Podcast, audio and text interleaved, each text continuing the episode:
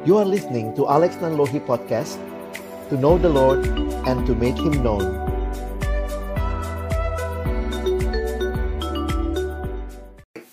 Selamat malam teman-teman yang dikasihi dalam Tuhan Yesus Kristus.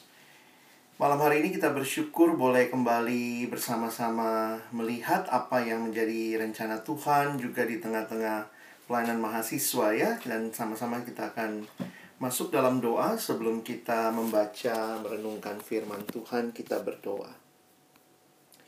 Bapa di dalam surga, kami datang dalam ucapan syukur malam hari ini. Terima kasih Tuhan karena sungguh Engkau baik dan Engkau telah menyatakan kebaikan-Mu di dalam kehidupan kami. Malam hari ini kembali kami bersama-sama akan belajar, akan sharing. Kami sungguh memohon anugerah Tuhan supaya ketika kami sama-sama membuka firman-Mu, mendengarkan setiap wawasan, kami boleh ditolong juga untuk mengaplikasikannya secara khusus di tengah-tengah konteks pelayanan di mana Tuhan hadirkan kami, yaitu pelayanan mahasiswa di berbagai kampus secara khusus yang ada di Riau Tuhan. Kami sekali lagi bersyukur karena kami tahu bahwa Engkau Allah yang paling merindukan umatmu boleh terus bertumbuh di dalam Engkau, mengalami hidup yang diubahkan di dalammu ya Tuhan. Dan karena itulah kesempatan ini yang Tuhan berikan memperlengkapi kami. Kami serahkan ke dalam tangan pengasihanmu. Waktu ke depan kami persembahkan ke dalam tangan pengasihanmu dalam nama Tuhan Yesus kami sudah berdoa dan menyerahkan waktu ini. Amin. Ya, teman-teman yang dikasihi Tuhan, saya bersyukur untuk kesempatan ini boleh sharing dengan teman-teman sekalian. Saya akan sharing dua bagian hari ini dan juga besok ya. Saya akan uh, membawakan tentang penginjilan dan pemuridan bagi generasi uh, Z ya. Um, saya coba share screen dan um, ada waktu nanti buat kita juga tanya jawab. Jadi saya berharap kita bisa sama-sama juga menajamkan apa yang teman-teman dapat melalui materi ini. Nah, saya akan mulai hari ini bicara tentang penginjilannya terlebih dahulu ya. Jadi bicara tentang penginjilan, saya pikir perlu mengulang sedikit lah ya. Bukan berarti kita nggak paham, tapi menegaskan ulang apa sih yang dimaksud dengan penginjilan ya. Nah, mungkin uh, abang ajak untuk teman-teman meresponi hal berikut ya. Coba misalnya, kalau kalian mendengar istilah penginjilan, apa reaksimu? Apa reaksimu kalau dengar istilah penginjilan? Ada berbagai nomor yang muncul. Silakan. Apa yang muncul? Ya maksimal dua. Mau mau pakai satu juga boleh. Kalau dengar penginjilan, lalu apa yang kalian bayangkan? Apa kira-kira reaksi emosimu ikuti nomor-nomor yang ini? Apa yang kira-kira muncul? Silakan, teman-teman boleh tulis ya. Wish nomor satu. Silakan, ada lagi? Oke. Okay. 8 dan 1. Oke. Okay. Wah, ada yang nomor 2 juga ya. Oke. okay. Iya. Saya kasih waktu lagi 30 detik ya. Sesudah itu kita lanjut. Wah, ini responnya macam-macam ya. Ada yang nanya malah, Bang itu sebenarnya gambar apa sih gitu ya. Nggak juga ya. Nah, coba macam-macam dengan responnya. Um, coba, abang boleh minta ada yang buka mic-nya sebentar. Saya pilih random aja ya. Saya boleh tanya kepada teman kita Irwana Purba. Kenapa nomor 4, Dek? Apa yang kau pikirkan kenapa nomor 4? Boleh sharing sebentar? Secara singkat saja? Bisa buka mic-nya?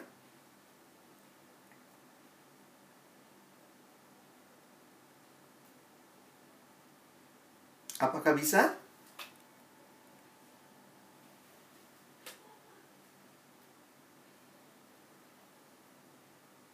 Kalau bisa dengar, silakan buka mic-nya. Kalau susah ya nggak apa-apa nanti saya cari yang lain. Ada? Bisa? Oke, kalau belum bisa, coba minta uh, Andrian Sianturi. Andrian Sianturi, dek bisa buka mic-mu? Kalau kamera susah nggak apa-apa. Mm -mm. Silakan. Kenapa nomor 4? Apa yang kau uh, maksud dengan nomor 4? Kenapa pilih nomor itu?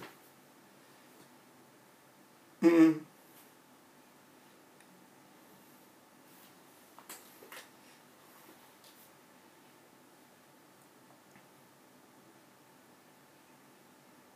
Oh.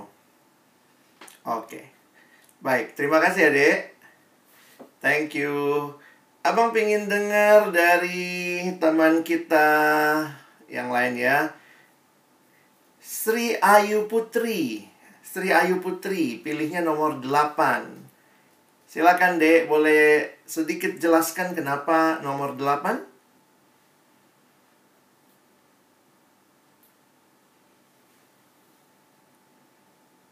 Sri Ayu Putri, apakah bisa dek dibuka mic-nya? Iya, shalom dek.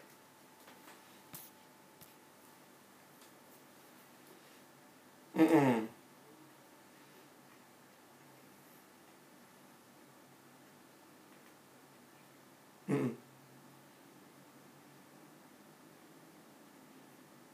Pokoknya kayak muka itulah ya. itu kayak ekspresi bingung, kaget, nggak tahu mau ngapain kali gitu ya, Dek ya. Oke. Thank you, makasih ya. Nah, apa pun reaksi kita, saya pikir ya itu sesuatu yang spontan dan wajar yang teman-teman sampaikan ya. Jadi tidak ada masalah benar dan salah di sini. Nah, karena itu Abang ingin kita mengerti lebih dalam sedikit tentang apa itu Injil. Jadi sebenarnya kalau kita coba kita lanjut ya dengan pemahaman apa sih Injil itu? Kalau kita mendengar istilah Injil langsung bayangannya, oh kabar sukacita, berita sukacita. Nah, sebenarnya kalau kalian perhatikan di dalam uh, kata Injil sendiri ini di dalam bahasa Yunaninya dipakai istilah evangelion ya dan itu diadopsi dari bahasa uh, sorry bukan dari uh, kata Injil dalam bahasa Indonesia itu adopsi dari bahasa Arab ya Arab menyebutnya Injil. Nah, kalau dalam bahasa Yunani, bahasa Alsi Alkitab Perjanjian Baru dipakai kata Evangelion. Nah, sebenarnya ini adalah sebuah pengumuman yang diterjemahkan sebagai sebuah kabar baik. Nah, istilah evangelion, gospel itu sendiri sebenarnya bukan asli dari Alkitab dalam pengertian ini adalah kebiasaan dari orang-orang yang waktu itu dalam kekaisaran Romawi, misalnya mereka menang perang. Lalu kemudian ada itu yang datang bawa berita, kasih tahu, "Weh, kita menang perang. Kita menang perang." Nah, berita yang dibawa itu disebutkan sebagai Injil, sebagai gospel, sebagai berita sukacita yang memperdengarkan proklamasi atau deklarasi tentang pencapaian yang kemenangan yang dicapai, kira-kira seperti itu. Nah, kalau demikian, waktu kita bicara Injil, maka bagi kita orang Kristen, kita bicara Injil yang bagaimana? Nah, Injil bagi kita adalah kabar baik, berita sukacita yang isinya adalah Yesus Kristus. Apa sih isinya Injil itu? Allah melalui kematian dan kebangkitan Kristus membarui manusia berdosa dan seluruh ciptaan agar diperdamaikan dengan Allah dan dapat hidup bersama Allah dalam langit baru dan bumi yang baru. Jadi Injil menyatakan apa yang Allah kerjakan, apa yang Allah lakukan di dalam dan melalui anaknya Yesus Kristus yang mati dan bangkit yang memberikan kepada kita keselamatan yang kekal. Dan bukan hanya bagi kita, tapi bagi seluruh alam ini diperdamaikan dengan Allah. Dan akhirnya boleh hidup di dalam kemuliaan bersama Tuhan selama-lamanya. Jadi kalau kalian mengerti pemahaman Injil, Makanya kalau kita perhatikan Injil itu adalah berita sukacita. Berita sukacita tentang apa? Tentang Yesus. Oke, uh, Irwana, thank you ya dek, nggak apa-apa. Makasih responmu, karena pada saat yang sama katanya uh, nomor 4 itu bingung, kagum, dan senang. Baik, makasih ya dek. Nah, teman-teman, saya ingin mengajak kita memperhatikan ketika kita bicara tentang Injil, maka sebenarnya kita perlu paham ya, jangan sampai kita berpikir Injil itu adalah sekadar sebuah uh, tindakan semata-mata. Jadi beginilah, abang pernah ada satu teman dia ngomong, iya bang, aku udah beritain Injil lah, beritain Injil. Gimana? Tadi temanku yang pakai jilbab pinjam tip X ku. Wah, aku kasih sama dia. Wah, aku udah beritakan Injil.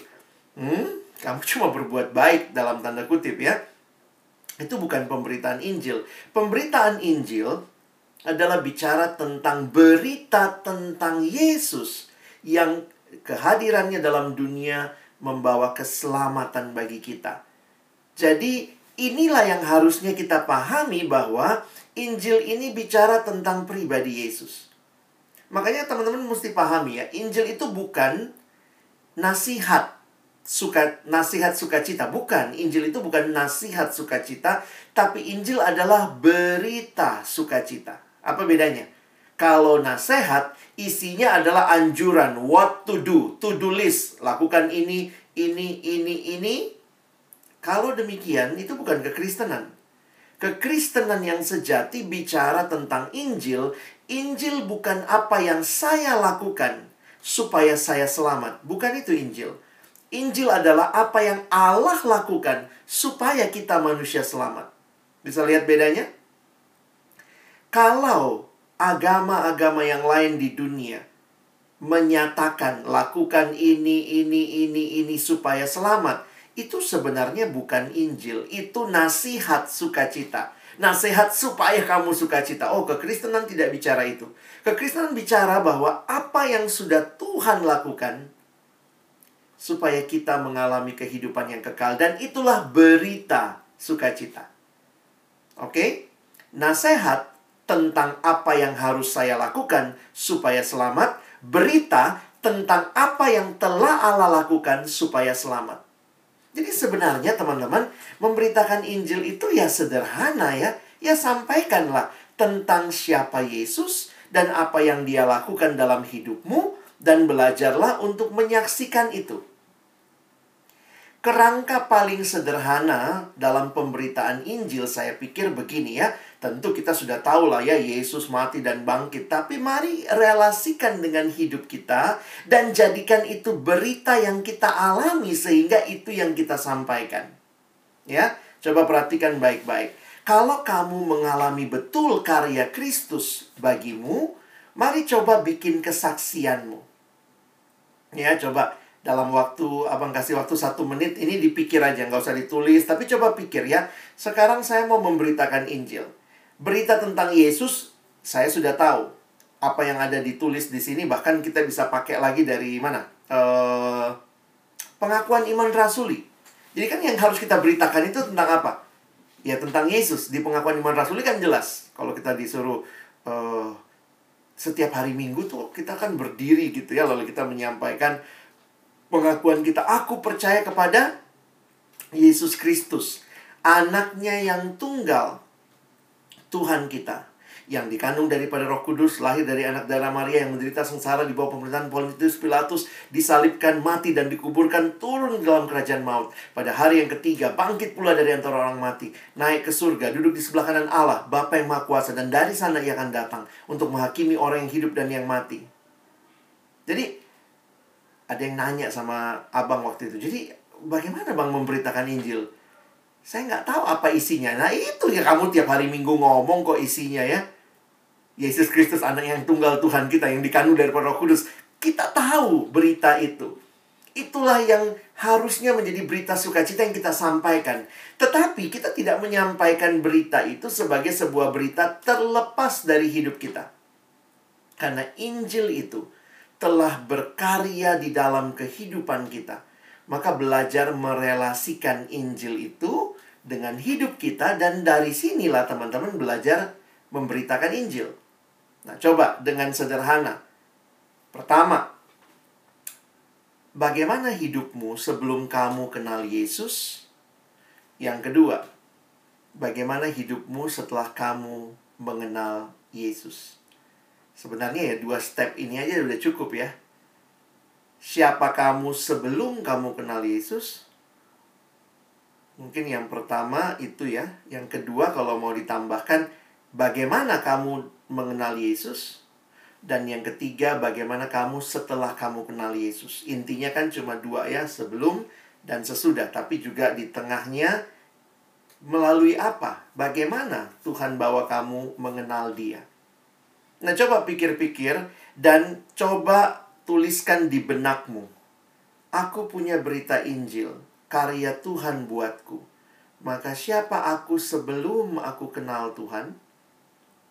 Kapan peristiwa apa yang di dalamnya aku terima Yesus mengenal dia sebagai satu-satunya Tuhan dan juru selamat buat hidupku? Dan bagaimana hidupmu sekarang setelah kamu kenal Tuhan? Kalau kamu bisa merangkai itu dengan indah, ya sebenarnya kamu punya modal memberitakan Injil karena memberitakan Injil itu bukan teorinya semata-mata tetapi bagaimana Injil itu telah mentransformasi hidup. Karena itu kalau kita perhatikan di dalam Alkitab menarik sekali bahwa Tuhan Yesus rasul-rasul itu memberitakan Injil dengan berbagai macam cara. Nah, ini menarik nih ya berbagai macam cara dan juga itu tergantung siapa orang yang mereka beritakan Injil. Kalau dia memberitakan Injil misalnya kepada orang yang Farisi, kita melihat gayanya berbeda dengan kepada orang yang mungkin non Yahudi. Kalau kalian lihat di kitab Kisah Rasul, khotbahnya Paulus di Kisah Rasul 17 di Athena di mana waktu itu di Athena bangsa-bangsa yang tidak kenal Allah itu beda dengan khotbahnya Petrus di Kisah Rasul 2 ke, ke, ketika dia berkhotbah kepada orang-orang Yahudi yang lagi berkumpul di Yerusalem. Bedanya bagaimana? Oh, jelas banget bedanya. Caranya Petrus menjelaskan tentang Yesus dia masuk dari perjanjian lama. Kenapa? Karena orang-orangnya ngerti perjanjian lama. Dia bilang Mesias yang kamu salibkan itu. Dialah yang kamu bunuh itu. Dialah Yesus. Dialah Mesias. Yesus yang kamu bunuh. Karena apa yang dia gambarkan bagaimana kemesiasan itu digenapi dalam Yesus. Kenapa dia bisa bicara mulainya dengan Mesias? Karena orang-orang yang ada di kisah Rasul pasal 2 yang berkumpul pada waktu Pentakosta adalah orang orang Yahudi. Nah, bagaimana Paulus memberitakan Injil di dalam kisah Rasul 17? Ya, kalau kita lihat Paulus di Athena, jangan lupa Paulus waktu itu bicara di depan orang-orang non-Yahudi. Jadi nggak kenal berita Injil dalam arti nggak punya perjanjian lama. Paulus mulainya dari mana? Dia mulai dari kita ini semua ada di alam ini, kita adalah ciptaannya Allah. Dia mulai dari wahyu umum. Wah, kita ini ada dalam alam ciptaannya Allah. Lalu kemudian dia mengatakan bahwa kita pun adalah keturunannya Allah dan seterusnya. Jadi teman-teman bisa melihat beritanya sama, ya. Beritanya sama, tidak berubah. Berita tentang Yesus Kristus yang mati dan bangkit. Tetapi ketika kita merelasikannya dengan konteks yang berbeda-beda. Ditambah lagi dengan kita sang pemberita yang mengalami berita itu. Maka di sinilah kita akan melihat bagaimana titik temunya, nyambungnya seperti apa. Nah, untuk bisa lebih dalam, lebih paham, saya pikir sih ya teman-teman nanti coba bisa ikut training-training penginjilan ya yang bisa menolong kalian. Nah, tapi Abang nanti kasih sedikit uh, ini ya. Saya kasih sedikit pemahaman bahwa sebenarnya tidak ada satupun model penginjilan yang saya pikir merangkum semuanya karena semua model penginjilan itu ada konteksnya. Jadi kalau saya me, apa ya, nasehatnya begini. Pelajari sebanyak mungkin lah metode penginjilan. Dengan kamu pelajari sebanyak mungkin metode penginjilan, kamu nanti waktu lihat kondisi begini kamu pakai yang ini. Kamu lihat kondisi begini kamu bisa pakai yang lain lagi. Karena apa? Kamu punya banyak metode. Nah, metode-metode itu sebenarnya bicara pendekatan. Pendekatan, lalu bagaimana mereka mengemas berita tentang Yesus dengan tepat kepada konteks orang-orang yang diinjili. Jadi saya berharap uh, tentunya mungkin belum semua kita terbiasa penginjilan, terbiasa memberitakan Injil, tapi Abang mendorong ya. Karena Tuhan memberikan perintah ini juga kepada kita. Beritakanlah Injil kepada segala makhluk bahkan ya. Karena itu marilah mulai ya. Bagaimana mulainya? Wah, orang bilang kristenisasi. Enggak. Kita tidak sedang bicara kristenisasi, kita bicara tentang saya menyaksikan apa yang saya alami bersama Yesus. Nah, itulah yang saya bagikan kepada orang yang lain, ya. Nah, jadi teman-teman bisa perhatikan bagaimana berbagai metode penginjilan itu sebenarnya sedang berusaha mengkomunikasikan Injil itu dengan baik kepada orang-orang yang belum kenal Yesus. Nah, hari ini kita bicara tentang generasi Z, ya. Saya ingin kita memahami, uh, saya juga baru ini ya, baru coba mengajak kalian untuk memikirkan lebih mendalam.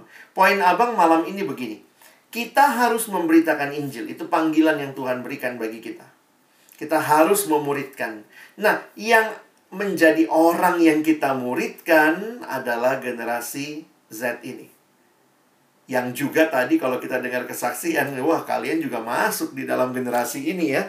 Kadang-kadang uh, kita mesti paham ya bahwa uh, ini berarti belajar tentang dirimu. Sebenarnya bukan abang yang harusnya ngajarin kamu. Ya, kamu yang ngajarin abang. Abang abang generasinya bukan abang generasinya X ya malam ini kalian ngundang saya mengajari tentang dirimu. Lucu juga ya. Sekarang saya mau kamu yang ajarin saya tentang dirimu. Ya. Karena itu nanti saya minta kita interaktif. Ya. Siap-siap. Oke. Waktu bicara dari generasi ke generasi, nah saya lihat ini salah satu uh, materi uh, apa? Um, grafisnya, infografis dari Tirto ID ya Nah, memang sangat tergantung kalian pakai literatur yang mana. Karena setiap literatur itu juga kadang-kadang tahunnya sedikit beda-beda ya. Nah, tapi walaupun demikian, saya pikir ada benang merahnya. Nah, kalau dari Tirto ID ini, dia mengkategorikannya ini ya. Generasi baby boomer, X, dan milenial. Milenial ini yang sebenarnya Y. Yang Y, gitu ya. Jujur aja abang harus katakan, kadang-kadang pembagian seperti ini memang sangat mengeneralisasi. Karena apa? Manusia itu kompleks ya. Jadi manusia itu kompleks, nggak bisa juga cuma dikategorikan kamu X, Y gitu ya. Bahkan kamu yang Y pun, yang Z pun kadang-kadang mirip juga kok kayak baby boomer ya ada.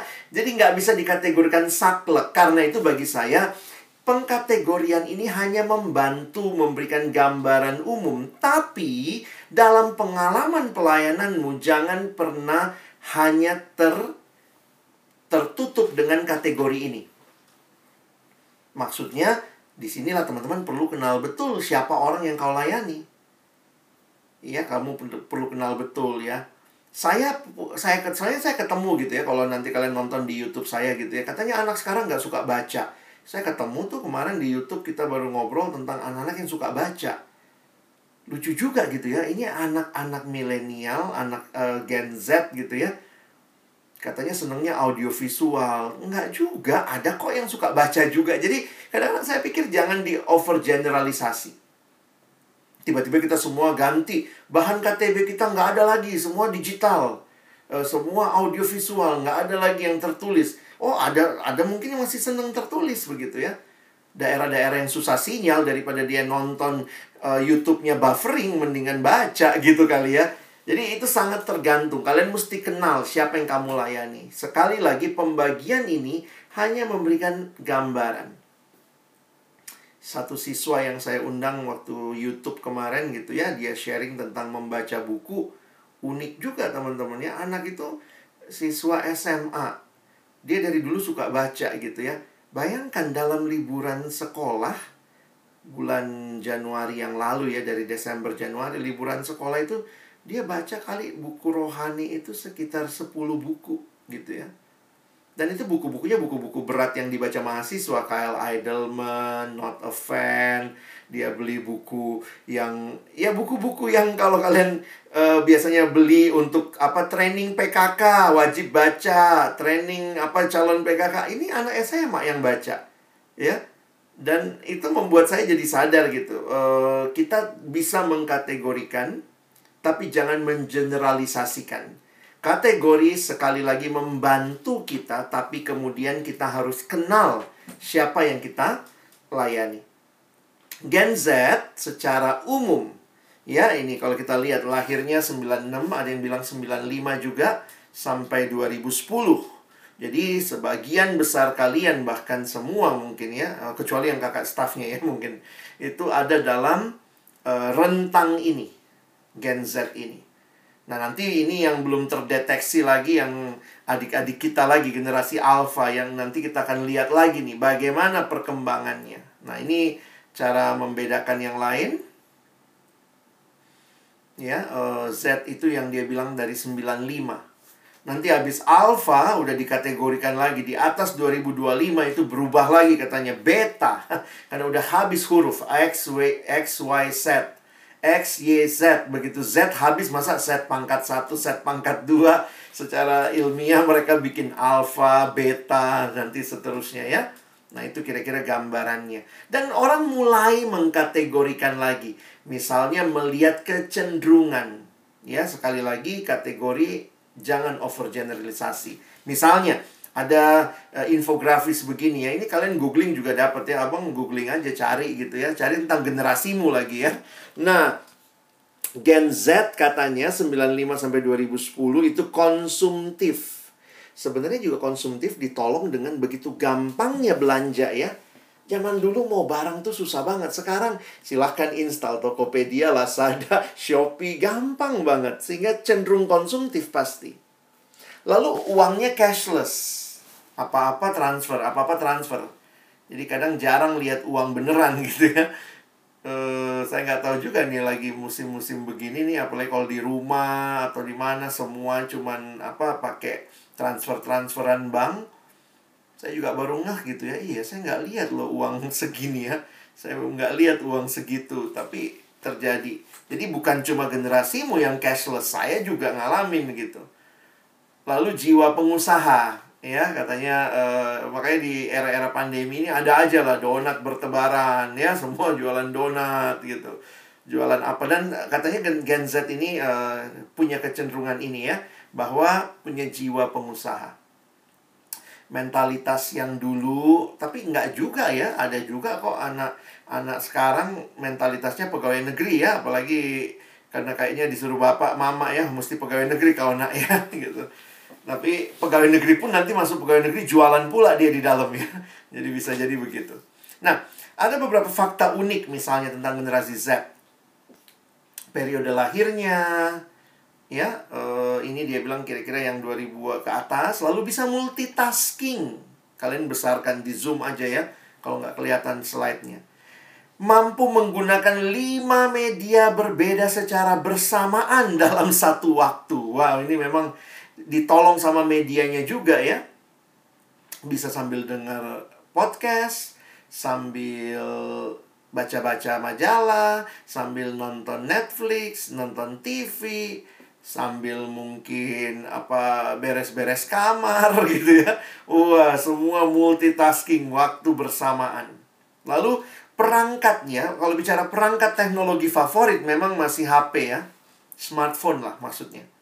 Dan itu akses rata-ratanya saja diperkirakan 15,4 jam per minggu.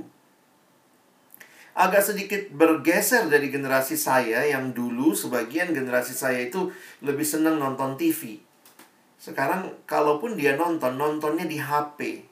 ya nggak kebayang di generasi saya itu kalau nonton di TV gitu ya kalau nggak ke bioskop sekarang nontonnya di HP makanya durasi menonton TV Gen Z itu rata-rata turun ya hanya 13,2 jam. Nah kalian bisa lihat lah ya model mamamu bapakmu atau mungkin om tante itu masih suka tuh kumpul depan TV nonton ya. Anak sekarang tuh jarang depan TV masuk kamar lalu tiduran nonton begitu ya atau di meja belajar. Jadi agak berbeda. Jadi uh, seperti itu tapi yang menarik adalah ditelitinya gemar bersosialisasi ternyata generasi Z adalah generasi yang gemar bersosialisasi, bersosialisasi dan bekerja sama dalam bentuk tim. Makanya lihat pola belajar. Karena saya pikir yang paling mengikuti ini adalah pola belajar. Kalau kalian anak FKIP, kalian bisa ngerti gitu ya. Makanya banyak sekarang belajarnya tim belajarnya dalam kelompok. Ya, itu dibiasakan begitu rupa.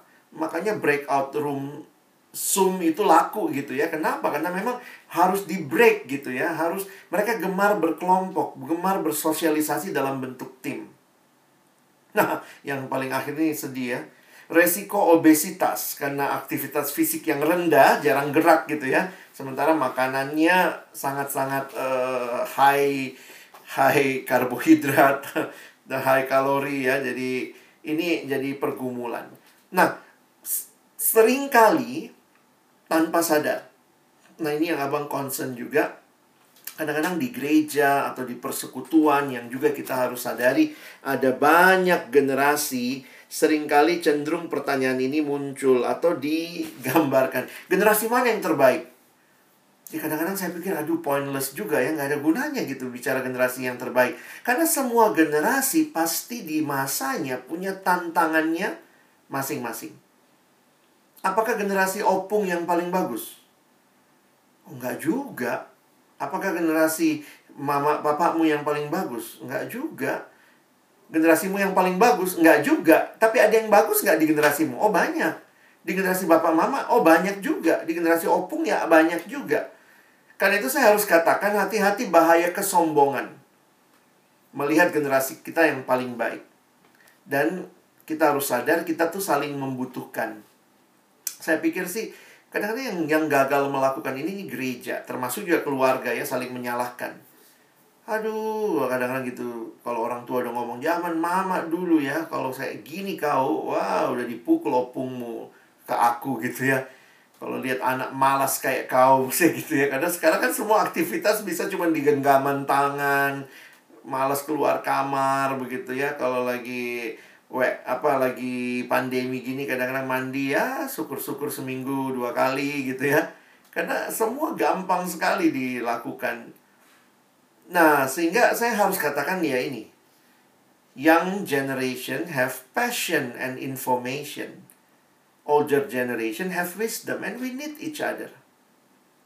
Kadang-kadang orang tua memang punya duitnya, punya uangnya. Tapi kita yang muda mungkin punya semangatnya. Jadi makanya orang tua tuh bisa beli HP canggih tapi nggak tahu makainya. Nanti panggil lagi, nak gimana SMS ini? Gimana cara ini gitu. Kadang-kadang kita yang menjelaskan yang anak-anak juga nggak sabaran ya. Masa gitu aja nggak ngerti mak diajarin berkali-kali tetap salah kirim atau apa. Nah, tapi di sisi yang lain saya pikir generasi muda pun belajar hargai yang tua. Karena kadang-kadang katanya generasi yang muda ini tidak punya apa? Nggak punya hormat lah, nggak punya etika lah. Nah, saya pikir ya justru di tengah-tengah situasi begini, kita saling membutuhkan. Nah, ayat Alkitab mengingatkan, Amsal 22 ayat 6, Didiklah orang muda menurut jalan yang patut baginya maka pada masa tuanya pun ia tidak akan menyimpang daripada jalan itu. Memang Alkitab mengingatkan harusnya orang tua yang mendidik yang muda. Ya saya pikir juga kalau memang mau bicara berkorban harusnya yang tua yang lebih berkorban untuk menjangkau yang muda. Kenapa? Ya saya pikir sederhana sih ya. Yang tua pernah muda, tapi yang muda belum pernah jadi tua. Jadi ya kalau mau berkorban sedikit harus generasi yang lebih tua yang mau untuk mengerti yang muda. Tapi yang muda juga jangan sombong. Saking dimengertinya jadi manja. apa-apa merasa kayak emang aku spesial gitu ya. Justru kita mesti melihat hal yang baik kita angkat, yang nggak baik ya jangan dikasih tahu nggak baik seperti itu. Kalau kita timbang-timbang dan kita juga paham iya ya nggak bagus juga aku seperti ini belajar untuk berubah ya. Nah saya tuliskan uh, dalam satu seminar saya bikin kutipan ini ya warisan terbaik bagi generasi muda adalah teladan yang baik dari generasi yang lebih tua. Nah Kenapa abang ulang sedikit soal generasi? Karena begini, teman-teman, kita sedang ada dalam pelayanan mahasiswa. Pertama, kamu generasi Z. Kedua, kamu akan melayani temanmu, adik kelompokmu yang juga sama-sama generasi Z. Istilahnya masih seumuran kalian, nggak jauh gitu ya. Karena itu saya ingin mengajak malam ini saya mau belajar dari teman-teman ya. Saya ingin tahu dari teman-teman apa sih yang kalian pikirkan tentang generasimu begitu ya. Nah tapi abang mau mulai dulu karena kalian terlibat dalam pelayanan mahasiswa ya. Saya minta dalam waktu uh, dua menit ke depan dengar instruksi ya. Instruksi abang dalam dua menit ke depan pikirkan ya. Semua pakai otaknya dulu Pikirkan program penginjilan apa saja yang ada di pelayanan kampusmu. Pikir ya, dua menit ini. Apa saja sih program penginjilan yang ada di pelayanan kampus teman-teman? Dua menit ya. Pikirkan apa program penginjilan yang ada di pelayanan kampusmu.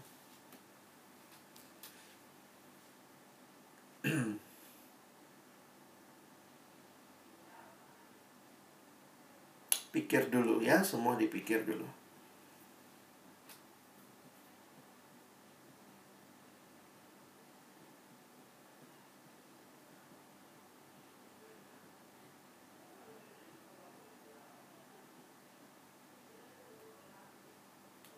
Satu menit lagi apa saja ya yang kita lakukan untuk penginjilan yang kita bilang penginjilan di kampus itu yang kayak mana gitu ya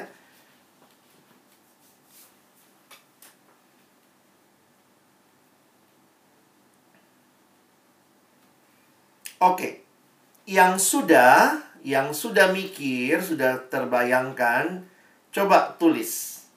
Tuliskan di kolom chat penginjilan, program penginjilan yang dilakukan di PM kamu. Apa saja sih? Yang kamu lakukan ya. Silakan saya kasih waktu dua menit ke depan silakan menulis apa saja program penginjilan yang kampusmu lakukan.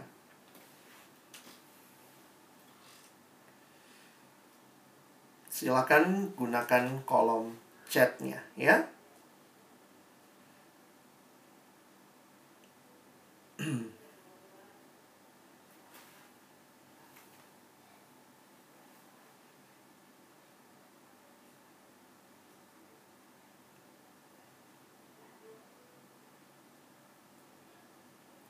Silakan kalau sudah ada yang mau menuliskan. Oke, okay. kata. Oke. Okay. Komunitas PI. Good. Silakan. Ada lagi?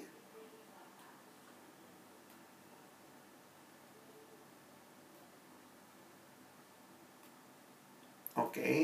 Nggak usah kasih penjelasan ya, Dek. Tuliskan aja biar nggak panjang ya. Nggak usah, maksudnya nggak usah terlalu lama nulisnya. Kata dilanjutkan konseling, kelas PI, PI pengurus. Training PI, PI pengurus, PI AKK, profil murid, oke. Okay. TC PKK. Rata-rata bilangnya kata ya. Kata Natal juga dipakai buat momentum PI. Pembentukan mentor kampus, oke. Okay. Sahabat setahun, oke. Okay. Melakukan pendampingan konseling pada adik PI, good ada lagi? Sa oke okay, sahabat setahun. KTB kata PI PI pengurus. Penginjilan pribadi program setahun. Kelas PI jadi ini berarti yang sudah dilakukan ya jam doa puasa. Oke. okay.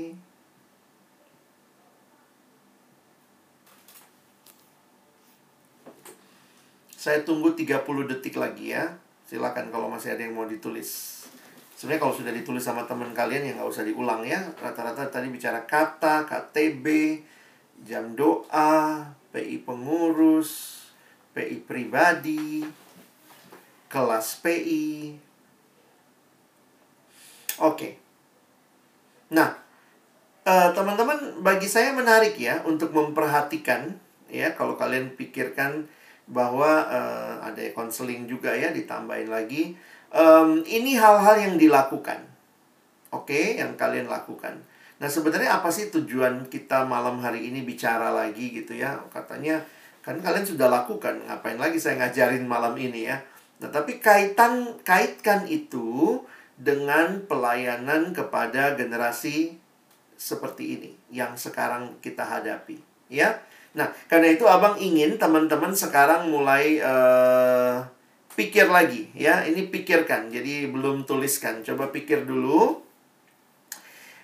Uh, tiga karakteristik kaum muda, ya. Coba kalian pikirkan tiga karakteristik kaum muda masa kini. Apa sih yang menonjol? Kalau kamu bilang ada sepuluh bang, pilih tiga lah ya, biar nggak lama kita di sini ya. Tiga karakteristik kaum muda saat ini yang menonjol menurut kamu, ya? Pikir dulu. Nah, sekarang Abang ajak teman-teman kalian ke Menti ya, menti.com. Dengan cepat kita ke menti.com, silakan isi tiga hal yang tadi. Kodenya 91 79 20. Oke? Okay? 91 79 20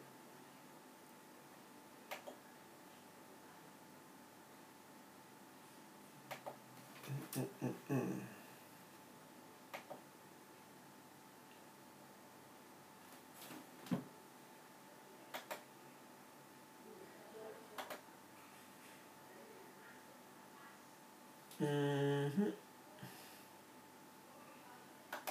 Saya coba share screen ya.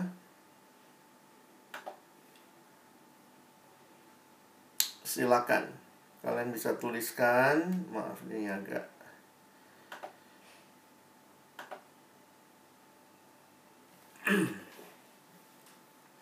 Abang harap sudah mulai banyak yang isi. Sambil kita tunggu sebentar ya.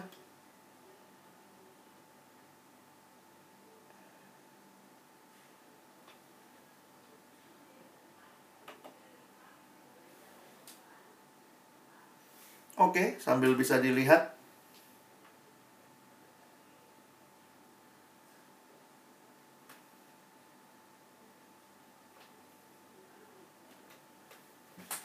sembilan satu tujuh sembilan dua puluh. Mhm. Sebenarnya unik juga ya kalian kayak nulisin karakteristik dirimu ya. Aku tuh kayak mana gitu ya.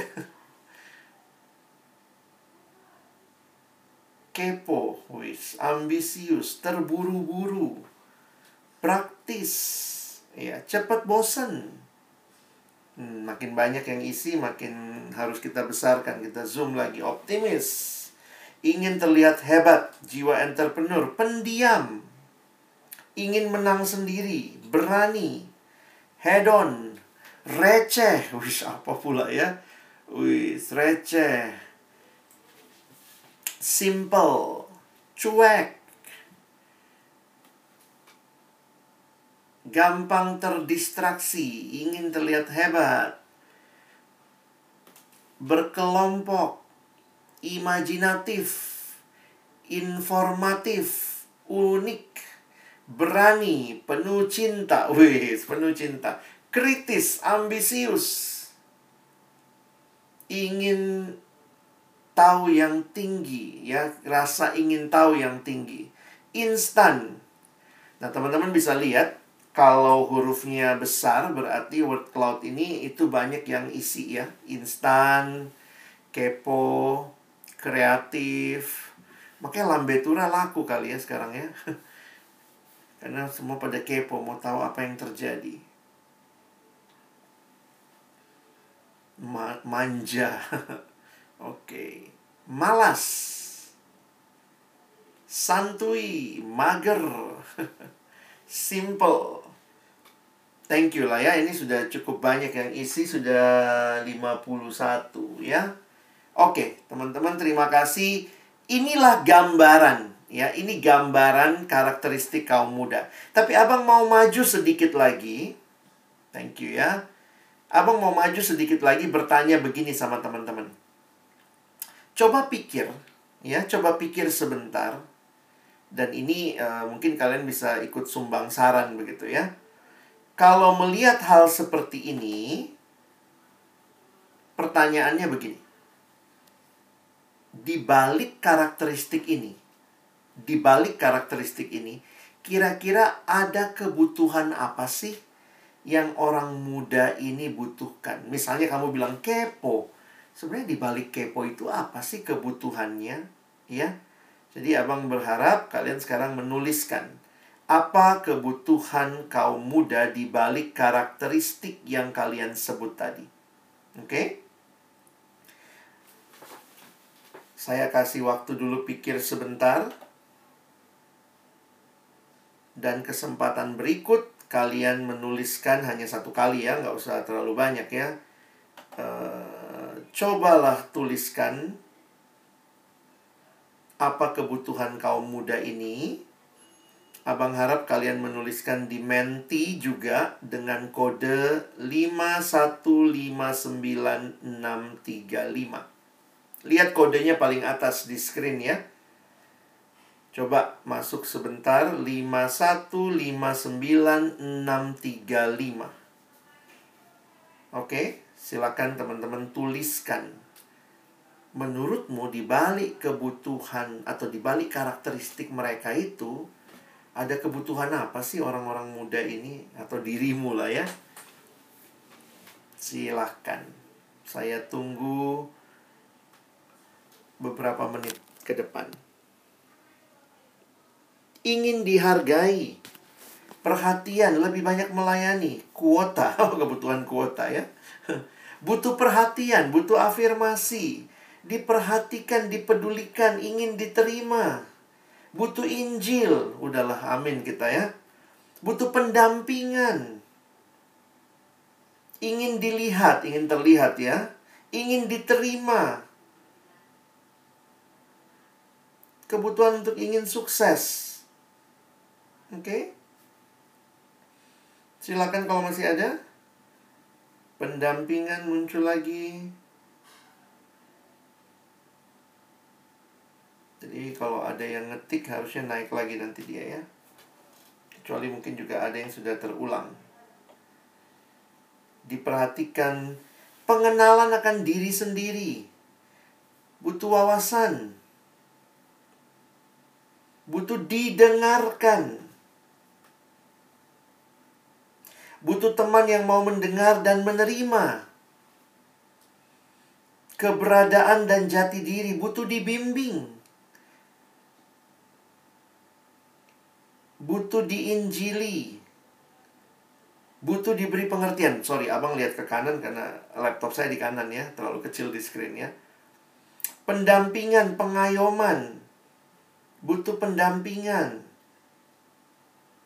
Wah butuh dicintai butuh diberi pengertian kesadaran diri dimengerti ingin diperhatikan butuh dukungan. Saya tunggu lagi 30 detik. Butuh kebutuhan untuk ingin tenar ya pengen jadi tenar. Itu kebutuhan untuk dikenal sebenarnya ya. Kebutuhan dikenal diakui ingin dilihat.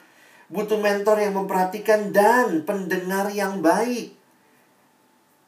Butuh diperhatikan ingin disayang ingin diterima pengayoman yang utuh pengakuan wah ini didengar juga banyak ya butuh konseling menjadi kasih di dunia. Pengajaran dan sikap mental butuh kasih yang tidak pura-pura, yang otentik, ya. Oke. Baik, kita harus selesai dulu ya, karena saya lihat sebagian besar sama yang disampaikan. Thank you teman-teman buat kesempatannya berpartisipasi, saya jadi terkonfirmasi. Karena memang biasanya itulah yang saya lihat di dalam uh, berbagai literatur, di dalam berbagai pembahasan tentang generasi kalian ini, ya. Generasi Z ini. Kebutuhannya. Jadi teman-teman saya ingin membedakan antara apa karakteristiknya. Karena kalau bicara karakteristik, kadang-kadang banyak yang negatif tuh. Tapi saya ingin lihat lebih dalam ya.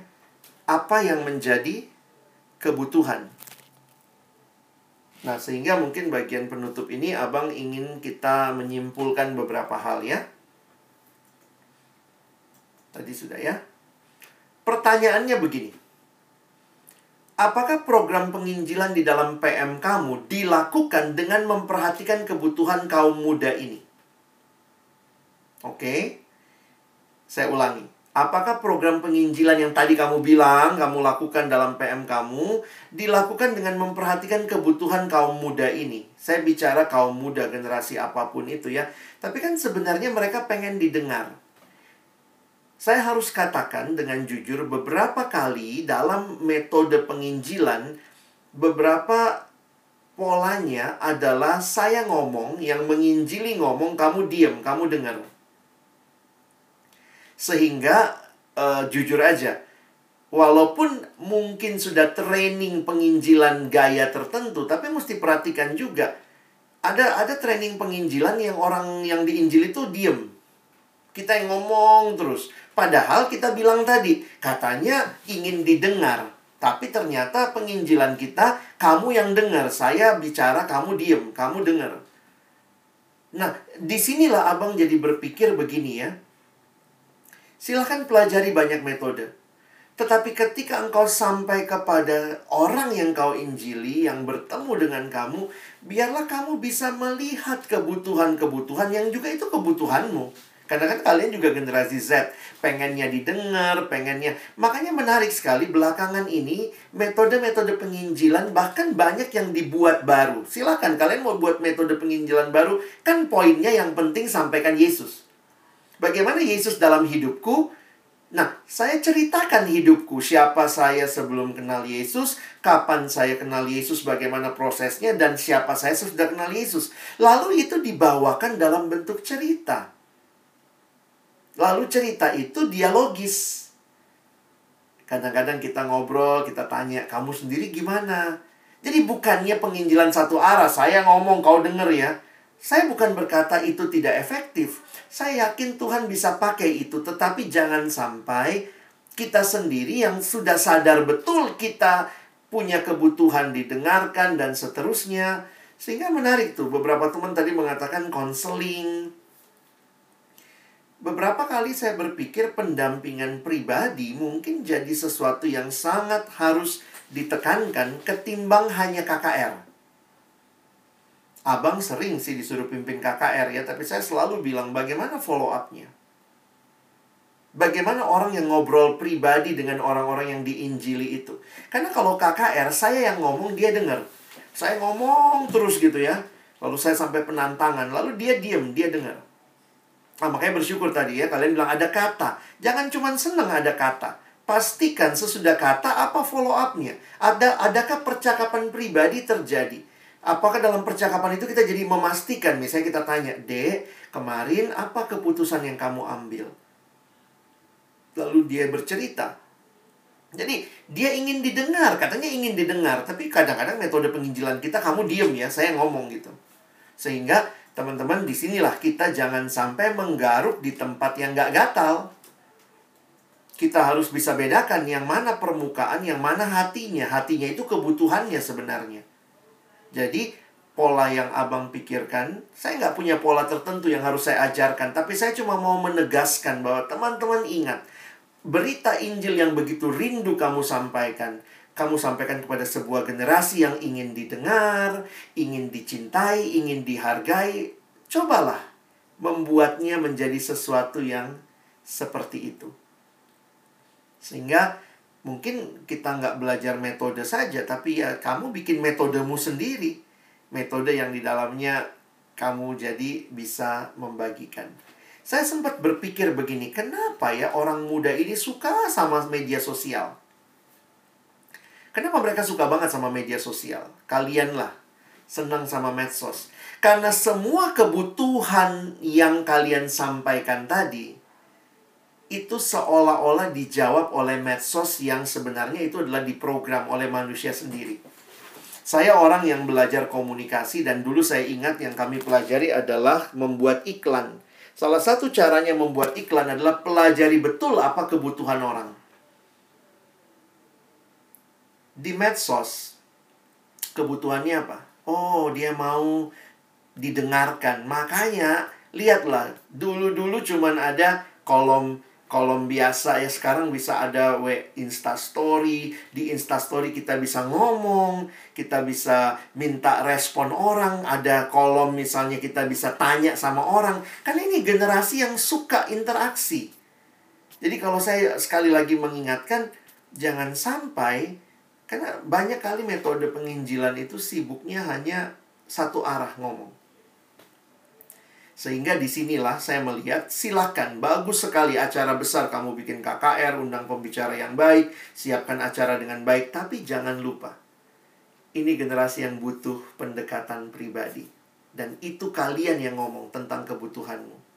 Sehingga jangan terjebak hanya dengan pola-pola yang lama, yang saya pikir karena itu pola modern ya, pola satu arah, tapi mari pelajari itu dan kembangkan jadi pola yang unik yang kamu ciptakan nanti buat dirimu sendiri.